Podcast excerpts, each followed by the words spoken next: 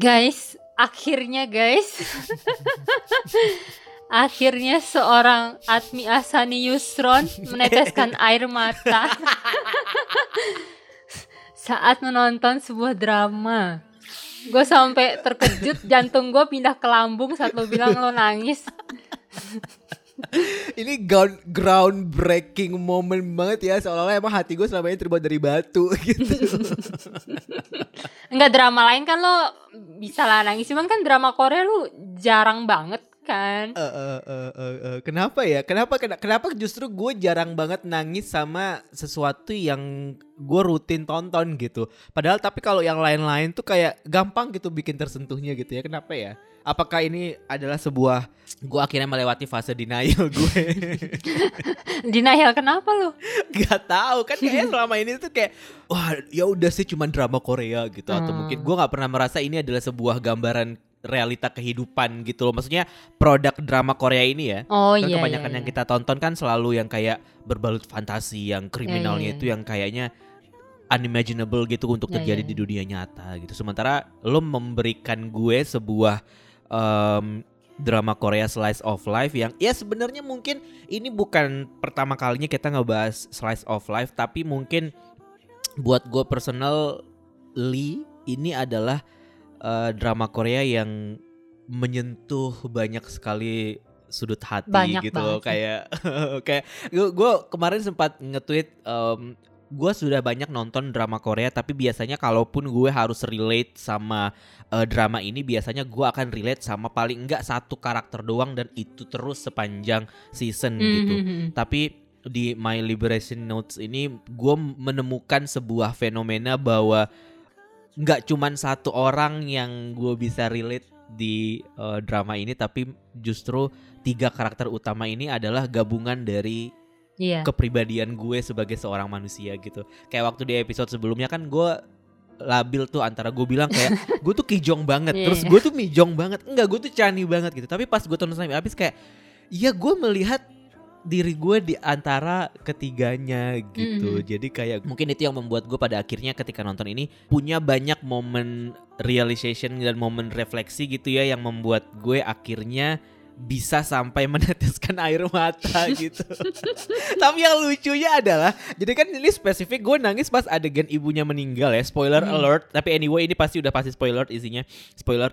Uh, jadi kan gue uh, nangis tuh pas adegan ibunya meninggal ya. Cuman gue bukan nangis karena ibunya meninggal gitu. Gue nangis karena gue lebih berkaca ke kehidupan gue kayak gue belakangan ini memang lagi dalam fase yang sempat berpikir gitu ya gue kan nggak pernah menghadapi melalui fase grief grieving gitu ya, ya ditinggal kayak mati kahila iya ditinggal meninggal oleh seseorang yang gue sayangi gitu maksud gue gue belum pernah ada di fase itu yang kayak terjebak dalam perasaan kehilangan itu gitu dan eh, pernah satu hari gue ya di salah satu momen melamun malam hari gue yang selalu gue lakukan setiap malam gitu ya gue pernah berpikir kayak kalau satu hari itu terjadi bisa nggak ya gue menghadapinya gitu bisa nggak ya gue yeah. Iya. uh, me melalui itu gitu bagaimana mm, coping mekanisme gue pada akhirnya karena sampai saat itu pun sampai saat gue berpikir itu pun gue tidak tidak terbayangkan gitu. Gimana uh, tubuh gue akan bereaksi de dengan dengan uh, grief itu gitu. Hmm, dan ketika hmm, gue hmm. nonton ini gue langsung yang kayak that was hitting me so hard gitu loh. Kayak betak gitu kayak wah gimana ya kalau misalkan gue menghadapi situasi itu? Gitu. Di situlah akhirnya gue kayak berkaca-kaca dan kemudian akhirnya gue nangis. Gue langsung langsung ngechat nyokap gue gue langsung langsung WhatsApp nyokap gue bilang kayak saya habis nonton drama Korea hmm. dan ceritanya tuh sedih banget ibunya meninggal gitu gitu gitu segala macam terus uh, gue udah kayak panjang lebar gitu mengu mengungkapkan emosi gue terus jawaban dia cuma kayak drama tanda tanya wow koma seru titik. Apa yang seru dari orang meninggal bu? Gue kayak gue berharap kita tuh punya uh, apa conversation yang pada akhirnya tuh depth gitu loh di antara gue membuka diri Iya, iya, tentang iya. gue nggak tahu bagaimana perasaan gue nantinya kalau misalkan lo nggak ada gue bilang gitu kan Hmm. tapi komentar dia cuman wow koma seru titik gitu masih mending kayak gitu deh cuma dikasih huruf Y doang ya agak miris ya keterbukaan dalam keluarga ini tapi that's the reality of our family gitu yang mana gue sudah tidak merahasiakannya Hmm. lagi dari episode sebelumnya gitu bahwa Iya. dinamika keluarga gue tuh emang seperti itu gitu kita tidak terbiasa dengan komunikasi yang selalu diromantisasi gitu ya udah kayak gitu Hmm. aja gitu tapi uh, at least pada saat itu gue sudah sudah uh, mengutarakan rasa keinginan gue untuk bilang bahwa if someday you are not here I don't know what will what will happen to me gitu loh jadi paling enggak Hmm. eh kekhawatiran gue udah udah tersalurkan walaupun mungkin respons dia nggak seperti yang gue harapkan gitu.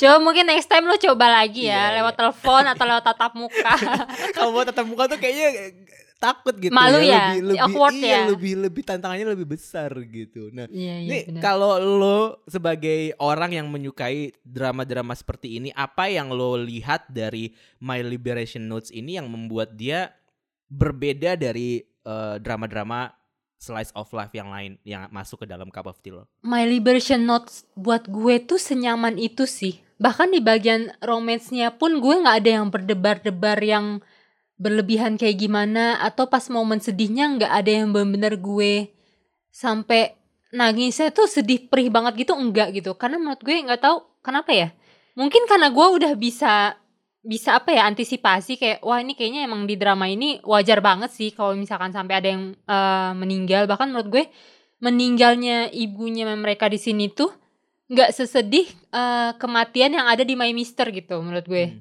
Kalau di My Mister tuh menurut gue jauh lebih nggak tau ngerasa lebih lebih sakit dan perih lagi sih. Walaupun sebenarnya gue juga nyesek banget sih sama kematian ibunya di sini karena iya gue tahu yang namanya hidup ya kematian itu kan mendadak ya. Kita nggak tahu kapan kita meninggal kapan kita dipanggil. Cuman di sini tuh pas banget si ibunya kan pas pulang dari pasar terus ketemu tetangganya ngomong eh iya tuh si Mijong kemarin eh, nangis-nangis katanya anjingnya meninggal ya.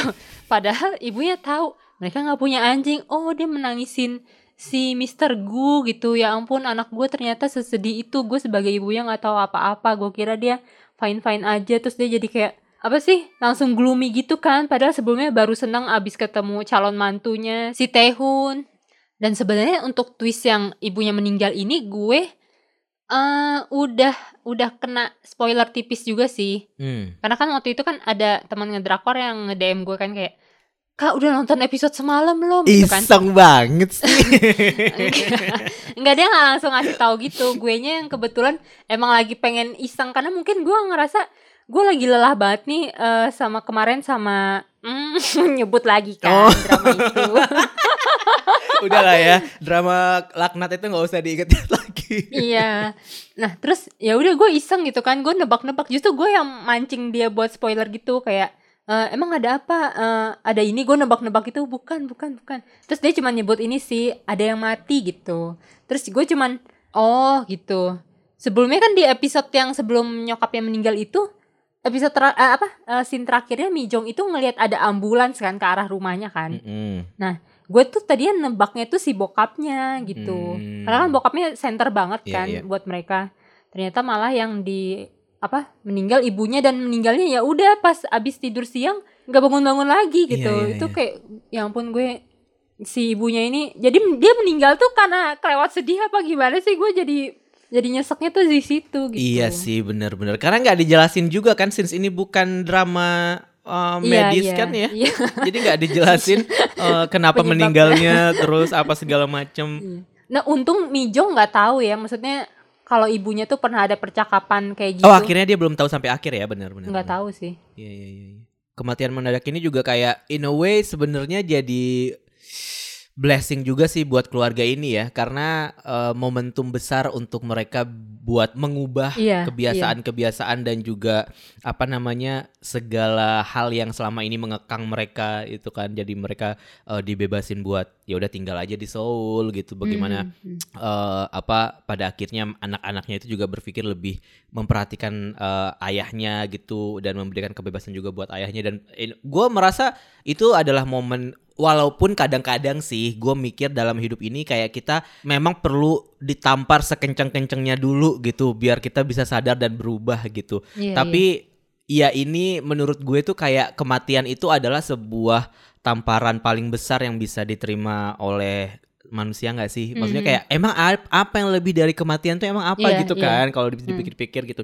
Kayak ibarat kemarin eh, yang pas zaman-zaman covid gitu kan, gue inget banget tuh keluarga gue tuh suka bandel banget kan kalau diingetin soal yang kayak eh, apa vaksin segala macam yang eh, masalah em, covid hati-hati pakai masker yang kayak gitu-gitu Hmm. sampai akhirnya salah satu eh, relatif gue meninggal gara-gara covid dan itu jadi kayak tamparan buat semua orang gitu bahwa orang-orang yang denial tentang eh, pandemi ini pada akhirnya kayak oh ternyata bener pandemi ini ada gitu Hmm. terus sementara gue kayak masa harus sampai nunggu orang meninggal dulu Iya. sih sampai lu semua sadar gitu loh tapi eh, ya kadang-kadang hidup tuh emang kayak gitu gak sih Mhm. kadang-kadang emang emang eh, kita dikasih pelajaran ya dengan cara seperti itu gitu dan itu yang membuat keluarga ini pada akhirnya jadi jadi lebih apa ya kayak ya lebih merasa memiliki kebebasan untuk mengambil jalan mereka masing-masing kan pada Dan menurut gue itu nggak berdampak hanya ke tiga bersaudara ini, bokapnya juga salah satu yang sangat berdampak sih karena Mhm, dia kan bilang kan akhirnya dia sadar selama ini tuh bukan dia yang eh, mengasuh si ibunya dan anak-anaknya ini gitu. Cuman justru mereka semua yang merawat dia gitu. Dia baru sadar hal itu sih setelah Iya. kehilangan si siapa namanya? istrinya ini.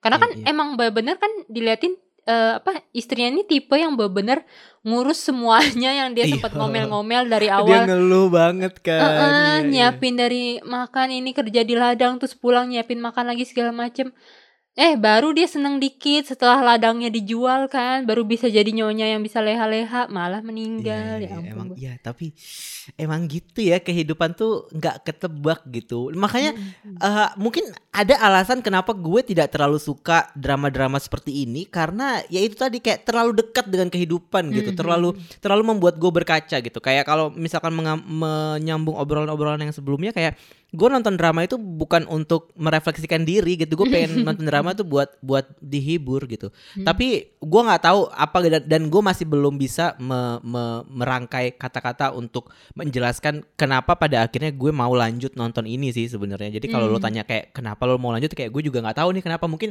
emang lagi moodnya aja sih.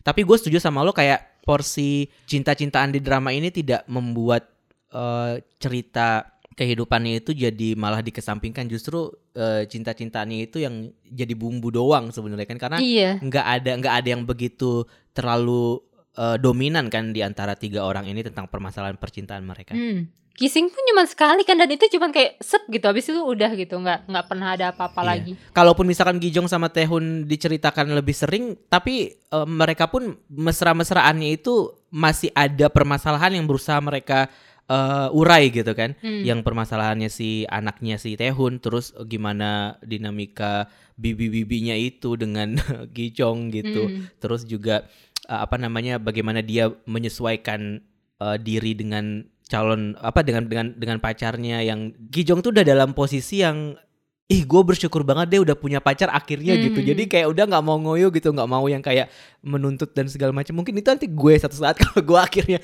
dipertemukan. Doain gue. Amin. Doain gue. Diaminkan oleh 200 ribu pendengar. Gue pengen punya pacar ya Allah. Tapi kekhawatiran bibi-bibinya eh, anaknya Tehun itu masuk akal sih kan kayak dia udah umur segini gitu. Apa yang lo harapkan kalau mereka mereka nggak pengen nikah gitu kan? Mereka nggak mungkin kan pacaran terus gitu. Dan Hmm. mereka mereka pun sebagai sebagai eh, kakaknya Tehun gitu jadi harus punya harus punya eh, backup plan gitu. Kalau gimana kalau misalkan nanti ponakan kita ini udah nggak udah udah nggak bisa tinggal sama kita lagi. Sementara mereka pun sudah berprinsip bahwa ya udah kita hidup sendiri-sendiri aja dan membesarkan si ponakan kita ini gitu. Dan gue nggak nyangka sih kalau misalkan di tengah-tengah tuh kita akan akan di akan dikasih uh, konflik dari keluarga yang lain gitu sebenarnya. Jadi kayak gue kira kita akan berkutat sama tiga bersaudara ini aja, tapi ketika uh, ada orang lain masuk ke dalam kehidupan salah satu di antara mereka terus kayak oh di situ gue merasa emang sih kita kita kita merasa permasalahan keluarga kita tuh emang yang paling serius sedunia. Mm-hmm. tapi ada loh keluarga lain yang juga sebenarnya juga punya masalah Semua juga keluarga. gitu. Iya iya iya iya. Ya itu jadi inline sama gue lupa ini dialognya siapa. Cuman dia bilang itulah seninya mengenal seseorang. Saat kita mengenal seseorang tuh kita nggak cuman mengenal dia cuman berserta dengan semua universe yang ada di belakang dia gitu kompleks hmm. gitu. Nah, masuk nih uh, yang sempat diperdebatin sama netizen. Menurut lo, ini ending tuh udah happy ending, open ending, uh, agak mengecewakan, sedih apa gimana nih? lo dulu bisa nggak?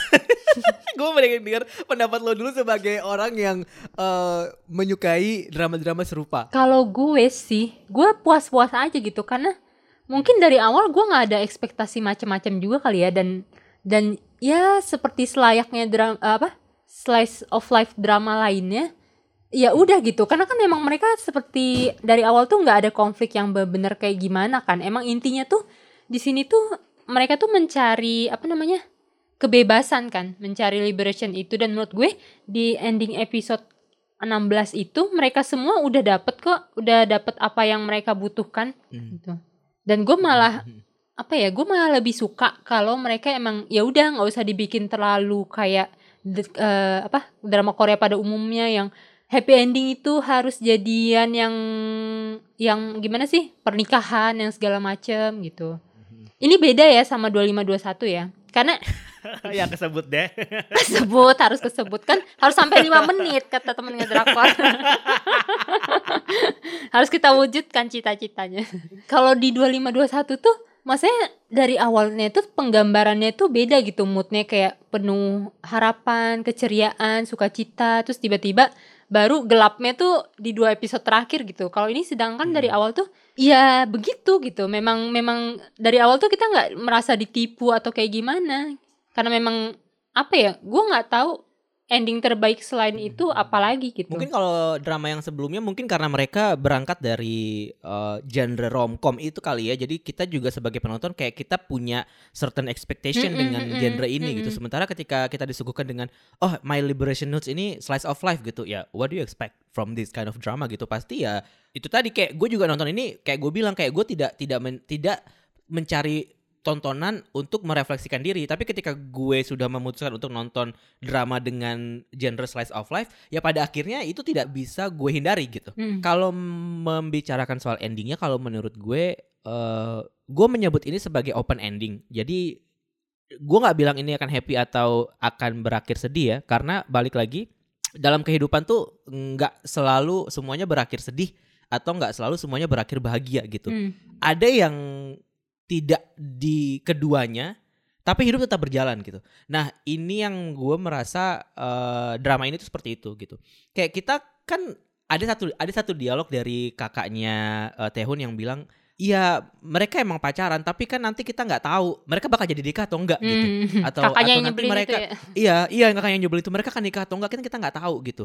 Nah, gue merasa bahwa ya kayak gitu. Sekarang mungkin uh, Mijong sama Mijong sama Mr. Gu juga fine fine aja gitu menjalani hubungan yang mereka pikir bahwa ini akan akan menyenangkan gitu tapi melihat kehidupan dua orang ini dengan dunia mereka yang berbeda bahkan ketika akhirnya Pak Gu ngomong bahwa dia pernah jadi pria penghibur dan Mijong langsung kaget itu kayak maksud gue itu tuh udah udah hubungan mereka dalam dalam kurun waktu yang cukup lama dan Mijong tuh baru tahu tentang itu gitu. Gue yakin kalau misalkan ada episode 17 sampai 20 akan banyak sekali kejutan-kejutan yang gue rasa Mijong akan ekspresinya akan lebih ekstra daripada sekedar dia mendengarkan pengakuan itu gitu. Maksud gue, pada akhirnya cerita ini akan tetap berlanjut gitu karena uh, ini adalah sebuah se ini ini sebuah akhir dari dramanya, cuman cerita mereka akan berlanjut terus gitu. Tapi bagaimana lanjutannya itu nanti ya itu tergantung dari keinginan penonton pada akhirnya gitu, tergantung bagaimana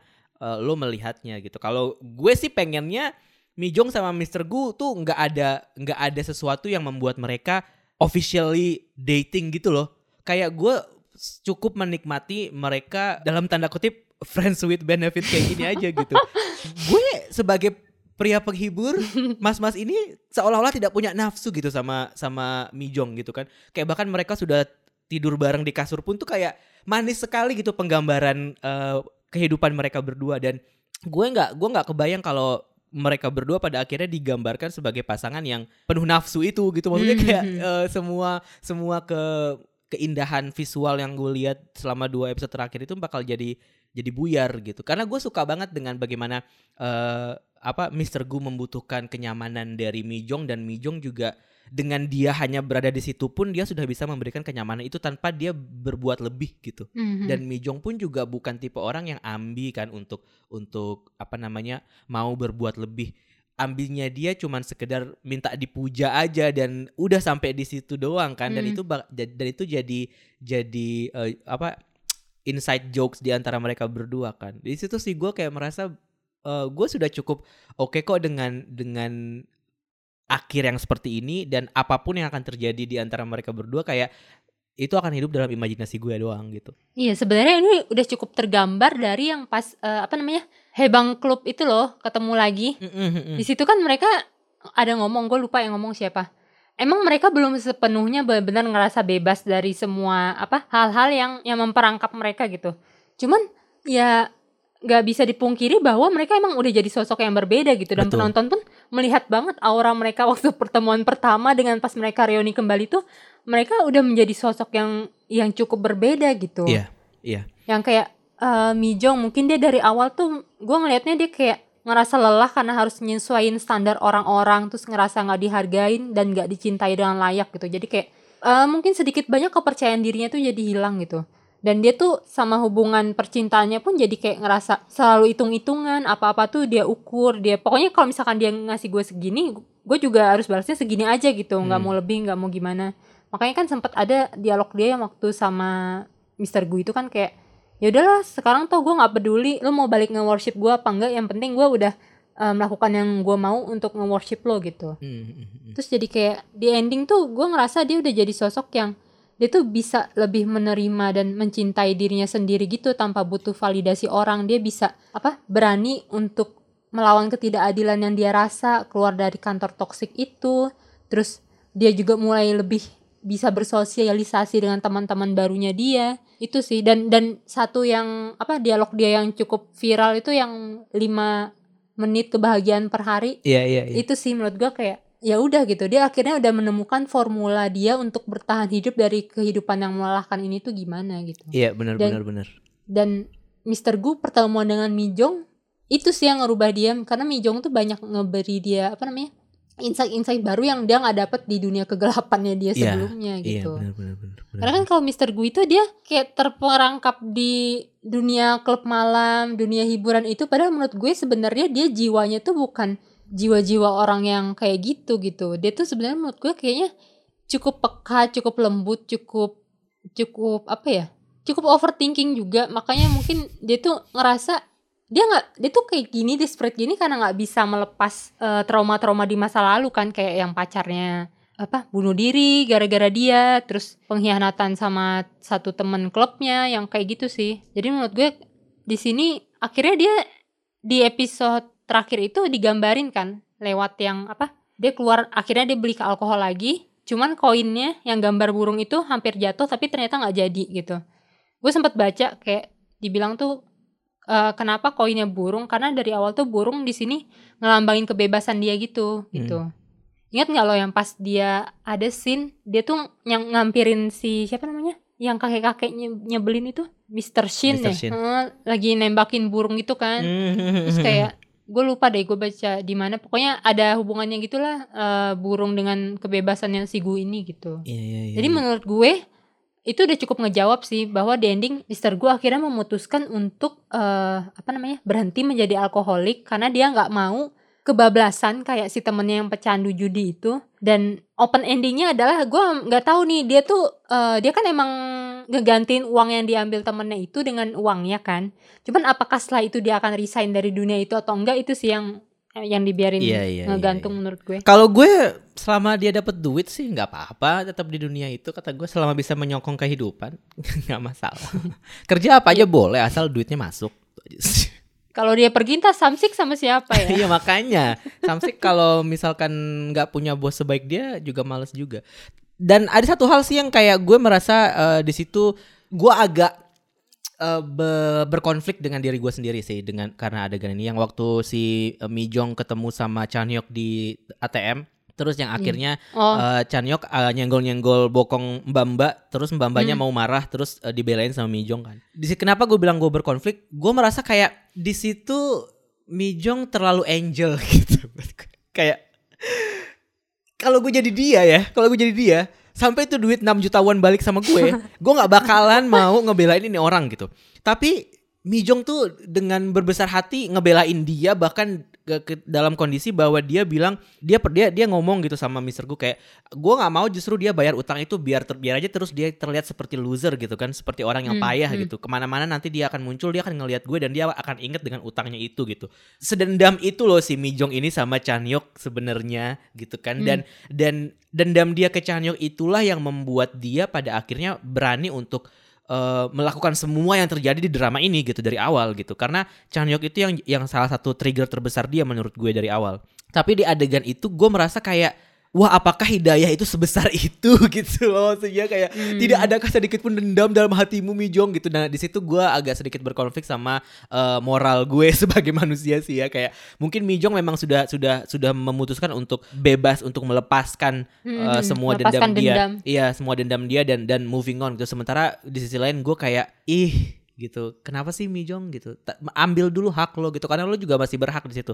Tapi anyway si Chanyeok ujung ujungnya bilang sih kalau dia bakal bayar gitu kan eh, nyicil satu juta satu juta gitu kan. Cuman kayak di sisi lain kayak apakah pada akhirnya kita harus baik dulu sama orang yang brengsek ini sampai mereka sadar bahwa mereka eh, berutang sama kita atau gimana gitu maksud gue. Kayak gue tuh kesel aja dengan kenyataan bahwa masih ada orang-orang yang nggak tahu diri kayak Chanyeok ini sampai yang kayak kita harus ngegelontorin semua kebaikan kita dulu loh buat lo supaya lo sadar untuk bayar utang ke kita gitu maksudnya. Nah itu yang gua agak masih agak berkonflik di situ. Tapi ya Mi Jong tentu saja karena dia pemeran utama di sini ya gitu. Jadi kayaknya dia dibuat ya pasti eh, punya resolusi dengan permasalahan-permasalahan dia gitu. Tapi kalau gue jadi Mi Jong, gue akan tetap menyimpan dendam sampai gue mati sih kayaknya.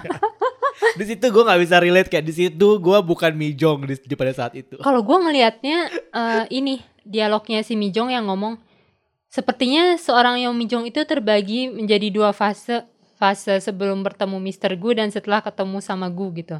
Terus Gu juga bilang iya aku juga gitu. Nah itu sih menurut gue yang gue bisa ambil pembenaran kenapa dia akhirnya memaafkan si siapa namanya mantan brengseknya itu karena nggak tahu ya gue kayak kayaknya pernah baca tapi gue lupa di mana gue selalu lupa kalau kita kitanya sendiri belum bahagia kita masih ngerasa menderita untuk bisa memaafkan dan merelakan itu terasa akan sangat sulit gitu karena kita juga ngerasa masih masih apa ya masih ngerasa bitter sendiri gitu loh dalam hati cuma begitu Hmm. setelah mis- dengan kehadirannya Mr. Gu ini pelan-pelan eh, membantu merubah si Mijong ini terus Mijong jadi ngerasa apa dia ngerasa disayang, dia ngerasa mendapatkan apa yang seharusnya dia dapat. Mungkin kebencian itu perlahan-lahan digantikan oleh kasih sayangnya si Gu ini. Jadi dia ngerasa ya udahlah, gue ini orang udah udah insignifikan lagi gitu di hidup gue, nggak nggak usah terlalu gue pikirin. Toh udah ada si Gu, terus juga Gu kayaknya kayak apa kan tahu dia bisa aja minta uang ke Gu kayak sini kasih aku 6 6 juta won udah kelar gitu. Iya sih, iya sih. Gue tuh setiap kali gunanya kayak mana nomor telepon laki-laki itu kayak kasih aja nggak sih? Itu kayak biar cepet balik duit lu, biar lu cepet tenang gitu. Kalau gue jadi Mijong kayak kalau duit itu udah balik tuh gue tenang gue udah gitu. Tapi gue tahu kenapa akhirnya gue menyimpan dendam ya karena nggak ada orang yang menyayangi gue seperti Mister gue. Iya mungkin kalau lo udah mendapat eh, sosok seperti Mister dulu kayak ya udahlah masa-masa lalu itu udah nggak berarti gitu. Sekarang kebahagiaan Iya kedua jauh lebih penting gitu. Iya iya bener bener bener. Tapi iya kayak gue bilang, gue bisa relate sama semua karakter utama di serial ini kecuali sama Mr. Gu sih karena Mr. Gu terlalu keren buat gue. Gak bisa ini. eh, tapi tapi gue suka cara mereka menggambarkan karakter ini sebagai sosok yang nggak too good to be true gitu loh kayak dia dia dia hero-nya nih Mhm. tapi dia juga tetap punya tetap punya flow gitu tetap punya eh, sisi gelap dan sisi buruk gitu Hmm. dan yang gue ini mungkin eh, karena gue nggak terlalu banyak nonton drama-drama slice of life tapi yang gue suka dari em, serial-serial serupa adalah bahwa kita nggak bisa eh, menilai orang jahat tuh sepenuhnya jahat gitu Hmm. Atau orang baik tuh sepenuhnya baik gitu karena ya setiap orang tuh pasti ada dua sisinya gitu Hmm. kayak si Mijong eh, di satu sisi dia baik-baik banget tapi di sisi lain juga kayak ya dia masih men- menyimpan banyak sekali dendam gitu Hmm. dendam sama teman kantornya yang selingkuh sama bosnya yang ngerjain dia yang dengan nomor handphone itu segala macam terus juga bosnya yang sosok bilang jago desain tapi dia nggak bisa desain gitu tapi dia pun juga sudah berusaha jadi orang yang baik gitu Hmm. dan eh, gue yakin sih dengan segala tekanan yang Mijong dapatkan di kehidupan dia kayak suatu hari nih orang pasti meledak nih gue bilang. Hmm.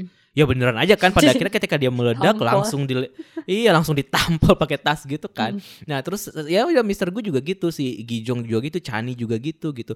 Tapi gue paling suka sama sama perjalanannya Chani sih sebenarnya. Iya. Kalau kalau dipikir-pikir dari semuanya itu gue paling paling merasa kayak apa ya? eh mungkin dia tidak terlalu di di romantisasi berlebihan, cuman apa ya? Kalau gue bilang ini orang tuh kayak hidup di bubble-nya sendiri dengan eh, segala macam bahasa-bahasa anehnya dia yang Mhm. sampai adegan buang air pun dia romantisasi gitu. Kayak ngerti nggak? Tapi nggak tahu kenapa kayak gue suka aja Iya. dengan de- cara dia menggambarkan eh, apa setiap kejadian dalam hidup dia sampai akhirnya eh, waktu dia bilang waktu eh, kakeknya meninggal dia ada di situ. Eh neneknya ya? Dia meninggal dia ada di situ. Hmm. terus ibunya dia meninggal dia ada di situ. Terus pas di akhirnya temennya itu apa pacarnya Hyuna itu mau meninggal dia mau pergi tapi nggak jadi kan? Dia Hmm, bilang kayak oh ini udah udah jalan gue karena ini udah berkali-kali Hmm. nih gue mengalami hal ini jadi kayak seolah-olah dia memang proses proses pembelajaran dia terhadap kehidupan dia itu juga bener-bener dia olah dan proses dengan matang gitu Hmm. sampai akhirnya oh jangan-jangan memang ini udah udah jalan hidupnya sampai akhirnya dia masuk ke kelas pengubur apa pe- pemakaman itu Iya, kan iya. ketika dia mau pergi terus dia membatalkan niatnya untuk pergi karena dia pernah bilang kayak gue mulai percaya ke mana pun kaki gue membawa gue itulah tempat gue Mhm. gitu terus di situ sih gue kayak wah ini gila. Kayak palu Thor tuh langsung mukul ke belakang kepala gue gitu kayak betung gitu kayak wah iya juga ya. Kayak kita kita tuh kayak kadang-kadang dalam hidup selalu yang kayak ih anjir kenapa sih gue harus ke sini? gitu. Mhm. tanpa tanpa kayak berusaha untuk eh ya mengambil sisi lainnya gitu kayak mungkin ada maksudnya nih gue di sini gitu. Mhm. kalaupun misalkan nggak ada maksudnya pada saat itu gitu mungkin nanti gitu mungkin dua minggu lagi gitu. Jadi dari Chani tuh gue merasa dapat hikmah tuh bahwa ya ke mana pun apa pun yang terjadi sama diri lo di hari itu it means to happen to you gitu. Jadi dan dan nggak perlu yang terlalu udahlah capek nggak sih lo ngeluh-ngeluh terus? Gitu. Kayak gue Mhm. juga jadi jadi Chani itu sebenarnya capek ngelihat dia ngeluh-ngeluh terus dengan dengan segalanya sampai akhirnya dia berhenti untuk ngeluh dan dia em, apa berhenti ngeluh dan merangkul semua eh, kesialan dia selama ini jadi jadi sesuatu yang ya dia bisa menghargai itu gitu kayak dia bisa berhenti kerja dia merasa oh ternyata tepat juga ya gue berhenti kerja terus nyokap gue meninggal gitu Mhm. kan dia selalu merasa akhirnya keputusan-keputusan yang dia ambil itu tuh masuk akal pada Hmm. akhirnya gitu itu sih gue eh, tersentuhnya tuh di situ sih Mhm. dengan karakter ini gue gue kalau dengar Changi justru gue selalu merasa tertarik sih karena menurut gue dia itu the real observant gitu gue malah lebih Hmm. capek kalau ngedengar Kijong yang lagi ngeluh. Karena kalau Changi itu keluhan-keluhan dia tuh gue entah kenapa tuh ber- berasa ngerasa relate gitu. Dan nggak tahu ya ada yang sependapat sama gue atau enggak di antara karakter-karakter ini justru Changi itu adalah karakter favorit gue.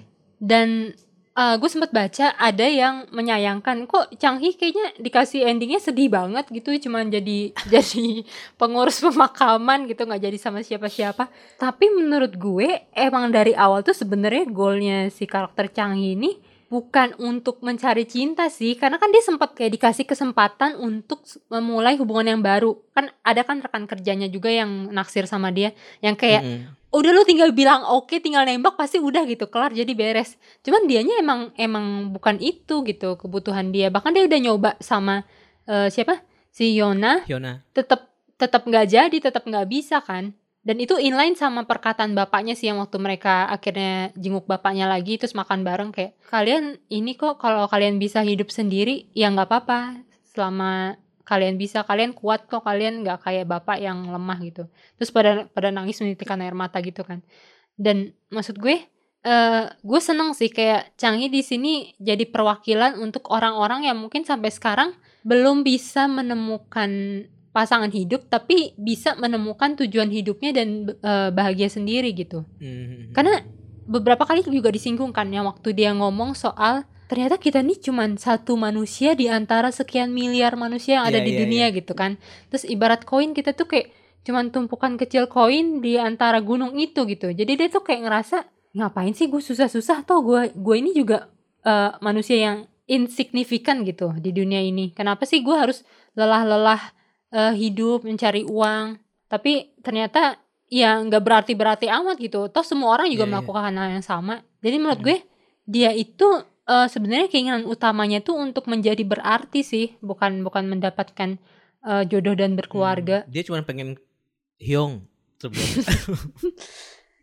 kan terbukti kan kayak dia ngira kebahagiaan dia itu dengan punya mobil. Pas dia udah punya mobil ternyata justru malah dia jadi nabrakin disuruh ganti rugi. Iya gitu. dan dia bilang sendiri kan kayak awalnya sih seneng cuman setelah beberapa kali make ya udah biasa aja gitu. Terus yeah, yeah. dia uh, pengen jadi orang soul gitu. Terus udah pindah ke sana dia malah overthinking dengan sejarah kota segala macem tapi mukanya kayak masih biasa aja gitu. Terus hmm. dia juga bercita-cita pengen punya toko jadi sajang nim. Udah punya toko, tetap aja mukanya tuh masih kayak kayak ngerasa ada yang belum terpenuhi nih, bukan ini yeah, gitu, yeah, bukan iya, materi-materi yeah, ini. Makanya pas uh, apa namanya? Akhirnya dia salah masuk ke kelas itu, dia senyum kan. Di situ kayak uh -uh. gue ngerasa, oh uh, Changhi akhirnya menemukan mungkin dia merasa oh gue itu ternyata hidup ditakdirkan untuk ini gitu. Jadi menurut gue kayak ya selama Changhi merasa dia merasa penuh ya nggak apa-apa sih. Iya iya ya. gue juga akhirnya melihat karakter ini jadi sosok yang berbeda sih setelah setelah akhir dari drama ini walaupun dari awal gue udah bilang dia mirip guru S, SD gue guru olahraga gue gue penasaran please ada fotonya nggak ada ada kayak fotonya dulu Iya, Tapi iya, Chang iya, ini iya. emang ada bibit-bibit muka Asia Tenggara gitu sih, nggak terlalu yang Korea eh apa Asia Timur gitu ya nggak sih? Karena matanya belok gitu kan. Terus nggak yang putih-putih amat. Kalau gitu. Loh, kenapa emang kalau nggak putih bagus kok? Semua warna kulit bagus. Iya iya iya iya iya ya ya ya oke. Oke oke oke. Kijong gimana Kijong? Menurut lo, akhir pencarian dia bakalan membahagiakan gak nih sama Tehun? Kijong itu karakter yang gue paling ngerasa agak sulit relate sih sebenarnya. Kenapa? Eh dibanding eh, Changi sama Mijong sih. Mm -hmm. Apa ya? Di mata gue tuh dia terlalu tuh ekstra ya. Uh, uh, terlalu ekstra itu tuh mantan kembang desa yang kayak kena tulah karena keangkuhannya dulu gitu. Terus Iya sih dia udah bertobat sih tengah malam memohon ampun. Tetap ya lo uh, apa namanya pola pikirnya tuh tetap antv banget gitu ya. Demografinya tetap CD ya. Mantan kembang desa yang kena gula tetap demografi lo tuh CD terus ya. Nggak bisa naik ke AB itu nggak bisa susah ya emang. Susah. Jangan tinggi tinggi lah ntar nggak ngerti. Ya. ntar kalau gue pakai bahasa bahasa yang sulit lo cengok lagi. Lanjut nggak nih gue? Ya, ya, ya, gibahin ya. kijong. Nah gue tuh ngelihat dia itu yang tadi yang ngerasa apa ya fine fine aja gitu hidupnya. Tapi tambah tua tuh dia malah tambah insecure gitu. Dia makin insecure dengan banyak hal mulai ngerasa apa sih? Ya ntar kalau gue umur segini gue belum belum dapat pacar atau gimana? Jadi tuh dia goalnya sekarang tuh kayak dia butuh tempat bersandar untuk bisa merasa utuh gitu. Jadi dia sekarang tuh lagi kayak desperate banget nih nyari pasangan nyari cinta gitu. Sedangkan karakter Kijung ini menurut gue tuh agak unik kan. Kayak nggak semua orang nih bisa paham dan menerima pemikiran dia yang unik ini tentang hubungan kayak dia beberapa kali nyoba apa namanya blinded terus pas begitu ngobrol orang malah kabur kan karena dia tuh kayak apa sih tipe-tipe istri yang siap mengabdi tanpa batas kayak zaman Joseon dulu gitu gitu. Jadi laki-laki sekarang Hidup di zaman Johnson lu ya. iya laki-laki zaman sekarang kayak apaan sih nih cewek gitu kan Kul- eh, kuno banget atau apa gue kurang ngerti. Cuman mm, mungkin Taehun ini emang cowok baik ya anak baik gitu. Jadi dia dia bisa mungkin karena dia pada dasarnya juga seorang tipe yang apa sih bisa memahami orang lain dengan lebih dalam gak cuma kulit luarnya doang dia jadi bisa nih apa ngerasa ngerasa klik sama Kijong Kijongnya juga ngerasa simpati sama Taehun Taehunnya juga bisa ngerti Kijong makanya menurut gue mereka pasangan yang cocok sih sebenarnya. Cuman apa ya hmm, Kijong tuh di di ending ending tuh menurut gue dia dibuat memahami bahwa ya nggak ada kisah cinta yang ideal seperti yang kita inginkan gitu. Kan Kijong kan pengennya iya di- dia bisa jadi istri yang begitu hebat yang bahkan bisa nangkep kepala suaminya yang habis dipotong gitu. Atau apalah yang terlalu terlalu dramatis atau apa. Tapi ya kenyataannya hidup tuh kayak gini gitu. Kadang Hmm, nggak nggak seperti yang kita inginkan gitu. Dan iya, iya. untuk jadi pasangan yang baik tuh dia nggak harus terus-terusan nerimo diem nerima aja nggak nggak nggak pernah ngeluh atau apa tapi dia tetap perlu ada timbal balik gitu supaya dia nggak ngebatin sendiri. Dia tetap perlu komunikasi gitu. Taehun juga terlalu menurut gue dia terlalu pemendam. Mungkin karena masa lalu dia yang kelam gitu juga kali ya.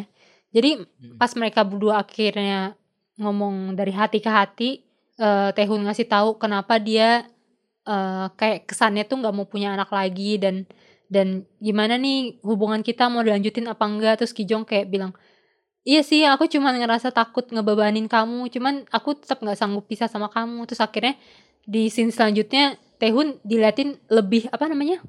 Kayak lebih lepas gitu ya. Gue nggak tahu ya efek dia lagi lagi mabok doang atau gimana.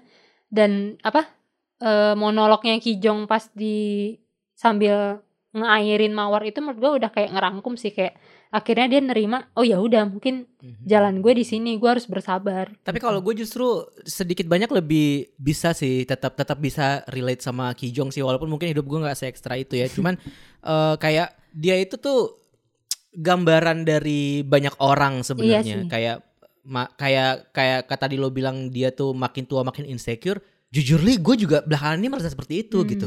Kayak gue gue semakin bertambah umur semakin insecure. Tapi justru eh, gue sudah aware dengan insecurity gue ini yang pada akhirnya membuat gue jadi kayak oh oke bagaimana caranya gue mencari solusi supaya gue tidak terlalu memikirkan itu gitu kayak misalnya eh, sama seperti Kijong juga kayak eh, permasalahan-permasalahan dia tuh kan kayak kantung mata gitu kan Mhm. kayak keriput Mhm. gitu. Itu kan sebenarnya permasalahan-permasalahan semua orang gitu. Kayak eh, mungkin gue tidak mempermasalahkan kantung mata tapi kayak gue sudah mulai membotak gitu misalnya. Kayak tiba-tiba garis rambut gue udah makin mundur gitu.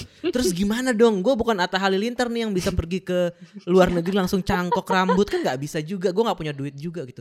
Tapi kemudian gue berpikir bahwa kayak permasalahan hidup ini mesti lebih banyak dari- daripada daripada sekedar garis rambut yang makin mundur kata gue dan ketika gue melihat ke garis keturunan keluarga gue juga kayak ya bokap gue kan botak ya gimana gue nggak botak? Gitu kan maksud gue. Terus di situ kemudian gue menyadari bahwa ya ada hal-hal yang yang bisa yang bisa lo keluhkan dalam hidup dan ada hal-hal yang tidak bisa lo keluhkan gitu. Kayak ya kayak salah satunya adalah ini gitu proses penuaan proses eh, rambut lo tiba-tiba rontok dan gundul Hmm. itu kan sebenarnya proses natural yang yang inevitable gitu ya Hmm. kayak mau gimana caranya juga lo nggak bakal bisa me- me- menunda penuaan itu gitu ya kecuali lo punya uang sih tapi kan nggak semua orang punya uang ya gitu. dan apalagi saya gitu jadi ya udah kita bisa apa dong kecuali kita embrace that eh, apa namanya kenyataan itu gitu dan gue melihat eh, Kijong pada akhirnya berproses gitu di situ kayak dia dari apa susah banget untuk untuk bisa menerima eh, banyak hal dalam diri dia. Kayak semua pengen dia ubah gitu. Misalnya kayak dari rambutnya lah eh, apa namanya matanya lah segala macem gitu. Tapi ya pada akhirnya di, di- ditutup ditutup dengan yang kayak tadi lo bilang itu bahwa oh iya dia bisa menerima itu pada akhirnya segala segala complexity dan kekurangannya itu. Dan yang gue suka dari eh, universe di sekitarnya Kijong tuh sebenarnya lebih ke teman-teman kantornya itu sih yang yang kelihatan banget kayak ya mereka sudah ada di usia rentang usia yang sama. Hmm. Jadi ketika mereka ngobrol pun tuh kayak nggak ada sesuatu yang yang melepas judgement gitu loh. Hmm. Kan digambarin kan kayak eh, si eh, apa mantannya teman kerjanya yang yang suka ngomentarin-ngomentarin dia itu loh Oh iya, yang iya. Iya kan? Kan eh, age gapnya kan kelihatan. Sementara dia sama bosnya dan yang temen yang cowok itu kan seumuran Hmm. gitu. Jadi mereka lebih nyambung dan eh, beda pandangan lah sama orang-orang yang lebih muda dari mereka gitu. Dan dia dia dikasih dikasih support system gitu di kantor itu Hmm. gitu. Karena lu bayangin gak sih kalau misalkan kita ketemu tiga kantor terus tiga-tiganya orang-orangnya nyebelin semua kayak Mijong sama si Chani gitu kan. Ya well Chani nggak semuanya sih cuman Arm doang. Cuman kayak si Kijong ini kita selalu dikasih lihat bahwa lingkungan kantor itu sangat-sangat suportif sama dia gitu. Tadinya gue ketika gue nonton ini gue kira dia juga akan akan mendapatkan permasalahan itu gitu. Gue gua kira dia akan juga eh, pas dia ngomong ke apa atasannya yang dia bilang kayak lo nggak pernah ngasih gue lotre gitu kan. Mhm. Gue kira itu akan jadi sesuatu yang konflik baru dalam kehidupannya dia Iya, gitu. iya. Tapi ternyata Nambah justru- bestie. Iya, justru jadi dari jadi nambah bestie dan gue suka Iya, dengan iya. cara itu gitu. Gue gue suka cara mereka untuk menyelesaikan permasalahan itu gitu. Tadinya gue kira si eh, atasannya itu totally playboy yang Mhm. bener-bener bener-bener brengsek Mhm. aja gitu. Tapi ternyata pas kita dikasih lihat bahwa enggak kok sebenarnya Iya, gitu. iya. Dia dia dia berusaha kok untuk menempatkan diri eh, sebagaimana mestinya. Cuman karena dia pacarannya sama yang lebih muda menurut gue, jadi ada tuntutan-tuntutan yang membuat dia jadi tidak bisa sampai di eh, memenuhi tuntutan itu gitu. Karena kan pasti age gapnya berasa banget kan. Dan Hmm. makanya pas adegan dia putus itu kayak oh ya udah kalau emang lo masih ma- mau kayak gitu ya udah kita putus aja gitu. Itu gue langsung langsung berubah pikiran gitu loh dari dia kayak Hmm. ah ternyata dia orang ini nggak nggak sebrengsek itu kok ternyata ada sisi lain yang logis kok ternyata gitu. Iya dia menurut gue dia agak-agak mirip sama Yona sih. Dia kayak versi cowoknya. Maksud gue mereka sama-sama ngeklaim gue ini nggak pernah selingkuh loh. Cuman ya ya gue emang nggak bisa sendiri gitu. Gue gue butuh cinta Mm-mm. gitu. Karena itu buat penyemangat betul. gue. Karena emang sih ada tipe orang kayak gitu kayak ya gue nggak bisa sendiri gitu. Kalau udah putus kayak ya udah tahu-tahu dapat lagi gitu. Iya iya iya. Dan karena mungkin kan kayak kehidupan di kantor tuh emang nggak bisa ketebak ya. Maksudnya ketika lo putus sama siapa, terus lo pacaran lagi sama siapa, seolah-olah kan orang yang pacar berikutnya itu adalah penyebab putusnya yang sebelumnya iya. kan. Sebenarnya kan mungkin enggak gitu, tapi karena ruang lingkupnya sangat sempit, jadi gosipnya tuh pasti menyebar ya seperti itu bentukan gosipnya gitu kayak pasti selingkuh ya segala macam. Padahal enggak kok enggak selingkuh kan. Kita putus dulu baru gue cari pacar lain gitu kan maksudnya. Ya sih itu gue itu juga salah satu karakter favorit gue sih kalau di side karakter yang lain Hmm. di di kehidupannya Kijong dan ya overall Kijong tuh menggambarkan gue karena ya itu tadi kayak masih sama dengan episode sebelumnya kita bahas ini kayak I'm desperately looking for someone gitu kayak "Ca- ca- ca- can you please find someone for me guys tolong hubungi saya lewat Instagram @ronisnowhere Apa gue bikin posternya ntar? My liberation notes aku ingin lepas dari perasaan-perasaan membutuhkan kasih sayang ini. Ronzi Kevin Gimana 2022. Allah, tapi gue nonton ini tuh jadi lebih berusaha untuk menghargai proses gitu. Mhm. Berusaha untuk eh, apa menikmati setiap momen yang yang sedang gue jalani sekarang gitu. Hmm. Percaya bahwa akan ada hal baik terjadi padamu hari ini gitu tuh Hmm. kayak menurut gue sebuah pijakan yang sangat penting sebelum lo keluar dari kosan dan melangkah ke tempat kerja gitu loh Hmm. kayak di luar tuh dunia semenyeramkan itu tapi kalau kita terus berpikir bahwa di luar dunia itu sangat menyeramkan itu ya kita nggak bakal ke mana-mana ujung-ujungnya di sini-sini aja udah gitu. Iya. ya sebenarnya nggak perlu dipikir-pikirin banget sebenarnya dijalanin Ya, aja. gue eh, salah satu scene yang gue suka dan berkesan tuh waktu si Kijo mengulang kesalahannya eh, bacot kelewat yang, iya, kencang iya iya iya yang Bama 50 Iya, tahun ya. Terus akhirnya dia diceramain. Maksud gue apa ya itu cukup menggambarkan sih kayak ya yang tadi gue bilang Kijong nih mungkin ngerasa diburu umur kali ya dia jadi kayak ngerasa aduh gue harus ini nih harus ini nih ntar kalau misalkan eh, nikahnya ntar gue keburu 50 tahun gitu atau segala macam. iya iya Ntar iya, gue iya. udah tua bangka apa menggeletak cuman mau mamah biak doang gitu. Terus mbak ini sana ngeliatin kan dengan make up yang full on gitu kayak eh, sayang itu tuh emang umur tuh gimana sih Tapi lu mbak, lu merasa nggak sih lu juga nggak? Gue nggak tahu ya pengalaman lu. eh, tapi lu pernah nggak eh, apa sebagai orang yang lebih dewasa memberikan wejangan kepada orang yang lebih muda di momen yang kayak Kijong dengan Mbak Mbak itu? Lu pernah nggak merasa kayak gitu? Atau dalam situasi seperti itu? apa ya gue sih lebih ke eh, apa namanya misalkan di kantor gue nih terus ada temen gue yang lain terus ngomong yang kayak aduh gimana nih? Umur gue udah segini segala macem. Terus gue langsung ngelirik ke teman gue lain yang umurnya lebih tua dari yang ngeluh ini gitu. Iya iya iya. gue langsung kayak ya lu ngeluh di depan orang yang lebih tua gimana mau lo? Iya, iya, gitu. iya, bener, bener, maksud bener, gue ya kayak gimana ya? Ya tapi itu emang kenyataan sih Iya. kayak kita nggak berasa banget sih asli umur kayak gue ngerasa gue tuh masih di usia 2009 yang kayak baru ketemu dan main bareng sama lo dan yang lainnya. Tuh tau-tau gue sudah menjadi cewek 30-an dan berkeluarga tuh gimana gitu.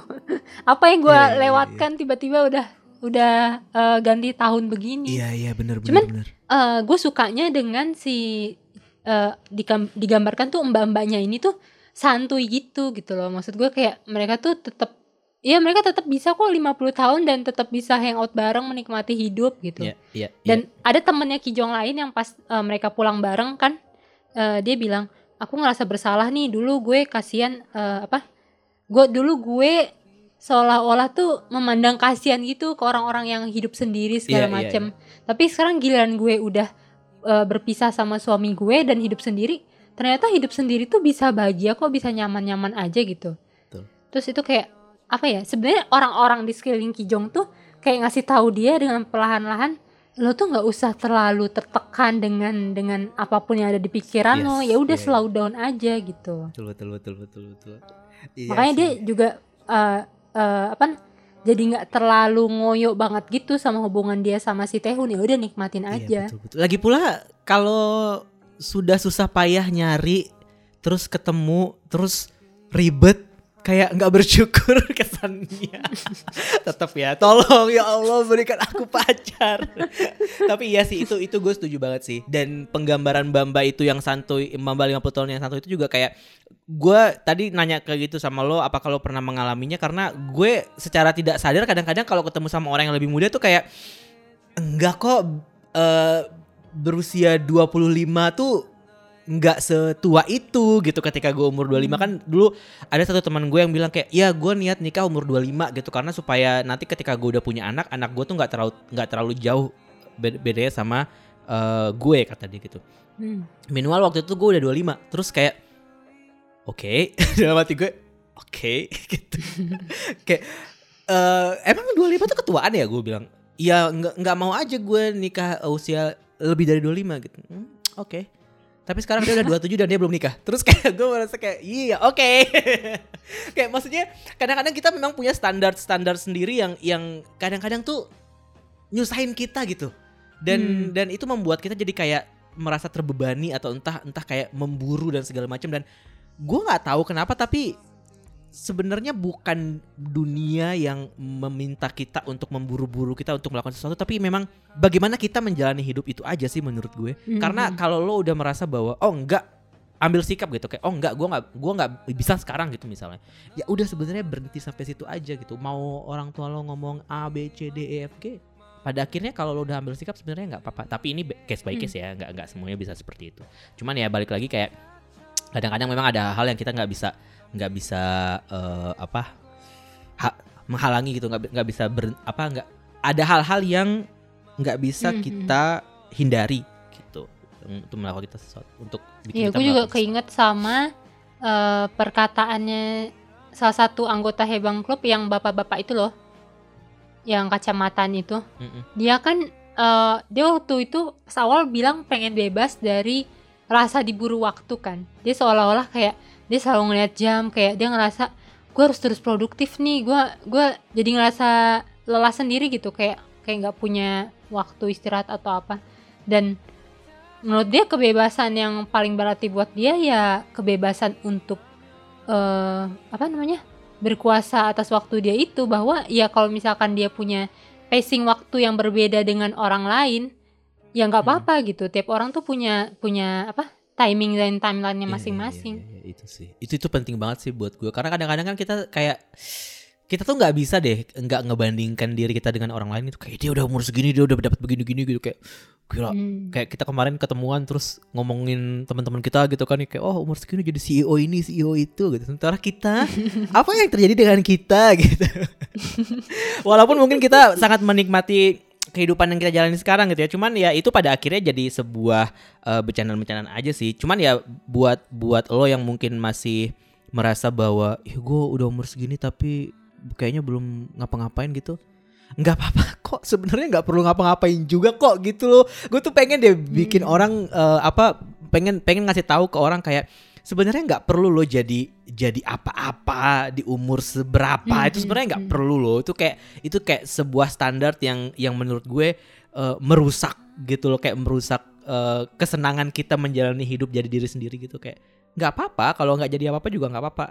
As long as you're Hmm. happy dan semua kebutuhan lo terpenuhi dan lo merasa cukup menurut gue sih nggak perlulah jadi CEO gitu. Itu itu sempat tersampaikan juga kan di dialognya Changi pas dia lagi berantem sama Yona. Yang dia bilang kenapa lo kecewa sama gue? Lo nggak puas sama gue? Eh bodoh amat gue tetap mau jadi eh, biasa-biasa aja sampai kapan pun dan hidup eh, umur panjang gitu. Iya, ingat iya. nggak lo?